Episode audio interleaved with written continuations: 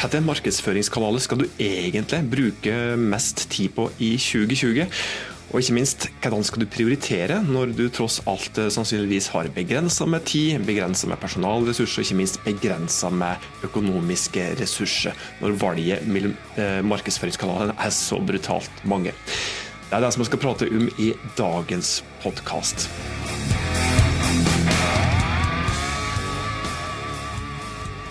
Hei, jeg heter Solmos Børstad. Dette er podkasten der du får gode tips til at du kan få bedrifter ditt til å stå på litt stødigere økonomiske bein.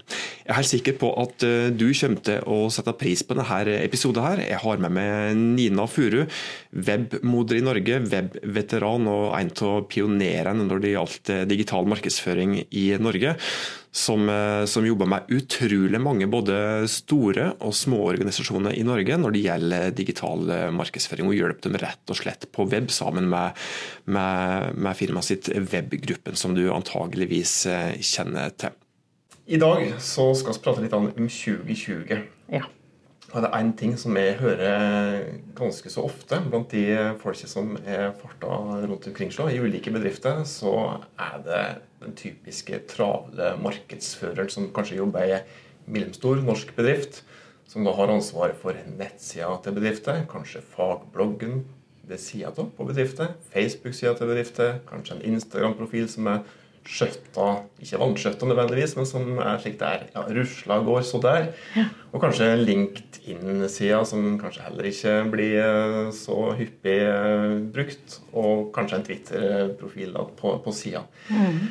Og så sitter du her, da, og døgnet har bare 24 timer. Og du jobber kanskje bare rundt omkring 7,5 eh, timer i døgnet av deg. Pluss, pluss, kanskje. Ja.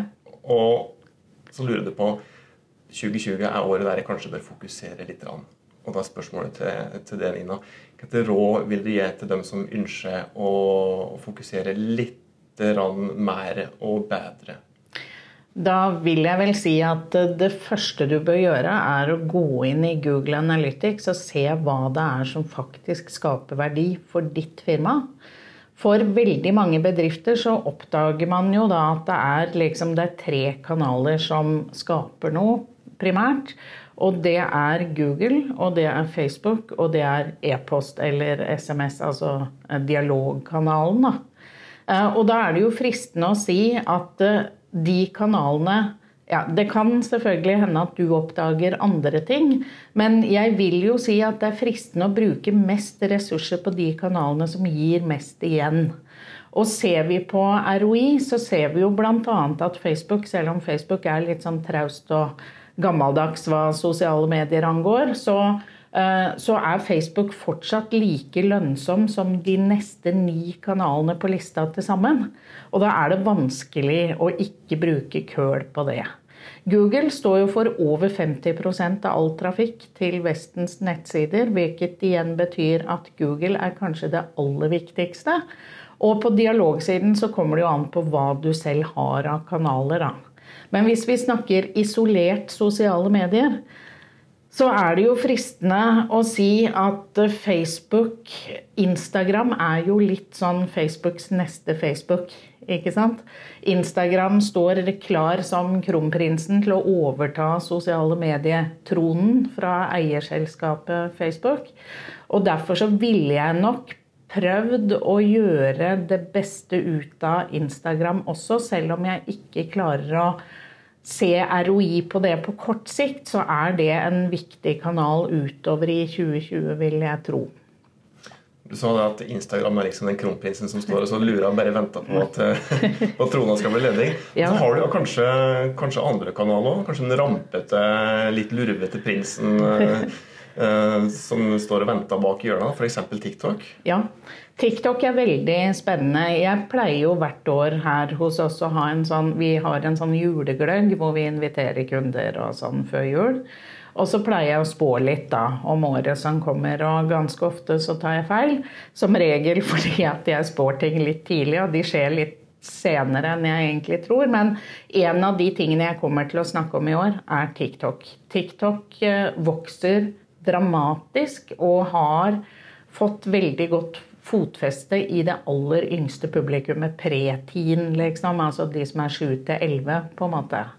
Eh, og det betyr jo at dette er ting som kommer mer og mer. For oss som bedrifter så tenker jeg at TikTok er kanskje ikke en naturlig kanal å være til stede i med et redaksjonelt nærvær, altså å lage innhold for TikTok, men det er absolutt en annonsekanal som man kan se på akkurat nå. Samtidig så er det kanskje slik at en bør tenke som så at uh, den måten som de fleste bruker TikTok på i dag, kanskje ikke nødvendigvis er den måten som de fleste bruker TikTok på i framtida. Du har kanskje det... sett at historien kan komme til å gjenta seg. Det ja. var slik vi tenkte også kanskje yes. med Snapchat. Ja. Og det er jo den veien det går. Det går liksom fra de unge markedene til mainstream til eh, traust og satt, som jo Facebook er kommet helt dit, på en måte. Mm.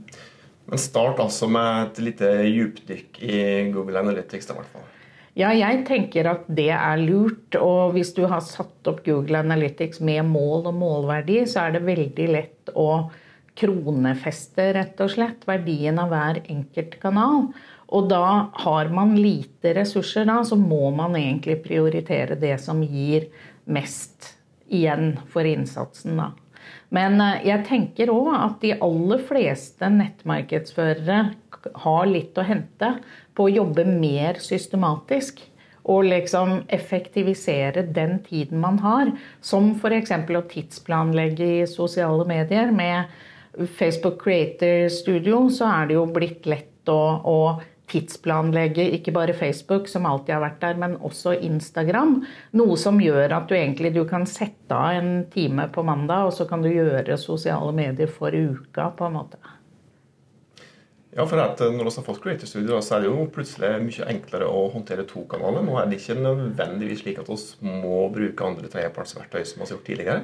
Nei, eh, det er imidlertid ålreit å bruke tredjepartsverktøy for noen ting. Det jeg sjøl bruker mye, er jeg bruker tredjepartsverktøy for LinkedIn. Fordi LinkedIn har ikke noe native verktøy for tidsplanlegging fra side. Og de gratis verktøyene som fins òg, der er det egentlig bare én jeg har sett som støtter posting til LinkedIn-sider. Og det heter Postfiri. P-o-s-t-f-i-t-y. .com, Postfiri. Uh, og den eh, funker i og for seg også både på Facebook og Twitter og andre kanaler også. Uh, men i hvert fall dessuten da til LinkedIn-sider. Litt tilbake til hvilke kanaler vi skal prioritere i 2020. Når vi har så begrensa med tid i løpet av et døgn, har det travelt, har funnet fasiten i Google Analytics på at Facebook ser ut til å fungere bra, Eh, Instagram eh, fungerer bra.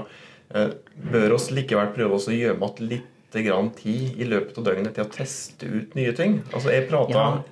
Av og til med en slik 80-20-regel her òg, på at du bruker 80% av ting du vet fungerer, og så setter du av kanskje inntil 20 til å teste ut nye ting. Ja. Uh, og jeg er veldig enig med deg i det, fordi at uh, vi jobber i en bransje hvor ingenting er statisk. Ting utvikler seg hele tiden. Og hvis du bare gjør det som virker, virka bra i går, da blir du veldig fort utdatert. Så du er nødt til å holde en teste nye ting, og TikTok kan være én ting. YouTube, som vi ikke har nevnt, syns jeg jo også er en fokuskanal. Og det å jobbe med video-SEO, eh, altså jobbe med å optimalisere søkesynligheten i videoer, kan være potensielt ekstremt lønnsomt. Og konkurransen i Norge er veldig lav, så det er lett å liksom gjøre noe. Eh, så, så, teste ut disse her opp- og kommende tingene med en liten bit, i hvert fall. Da. Det tror jeg absolutt på. Avslutningsvis, Nina, hva kan vi uh, treffe det og webgruppen uh, både i 2020 og nå framover? Hvis du har lyst til å vite mer om det, kan kanskje ta en tur til deg? Vi er jo, holdt jeg på å si, alle steder. Vi er jo ikke det. Vi er i Oslo, men vi er på nett på webgruppen.no. Og vi er også på Facebook som webgruppen, og på Instagram som webgruppen, og på LinkedIn som webgruppen, og på YouTube som webgruppen.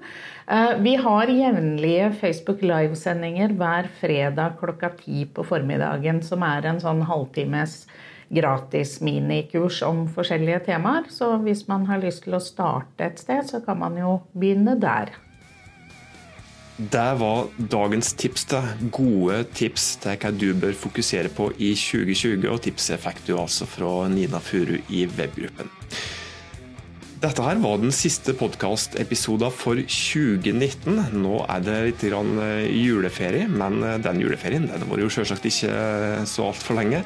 For I januar så er altså tilbake med nye podkastepisoder om hvordan du kan bruke ulike kanaler å få bedrifter til å få litt bedre økonomiske, eller stødigere økonomiske bein å stå på. Rett og slett eh, sikre de arbeidsplassene som du eh, har, gjøre det litt bedre i et marked der du sannsynligvis kjemper oppmerksomheten, og ikke minst kjemper om kundene sammen med veldig mange andre konkurrenter.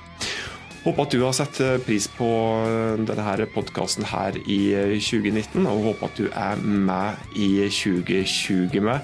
Hvis du vet om andre som kan ha nytte av denne podkasten, så blir jeg ordentlig glad for om du tipser om dette her. Og hvis du ikke har gjort det fra før, vær så snill å abonnere på denne podkasten, slik at eh, du har mulighet til å få et lite varsel neste gang det kommer en ny episode med, med podkast, eller tips fra denne podkastserien her. Inntil oss høres til neste gang, så sier jeg rett og slett eh, god jul og godt nyttår. I og med at når denne episoden her blir spilt inn, så er det snart jul. Eh, og så får du ta riktig godt vare på det og dine.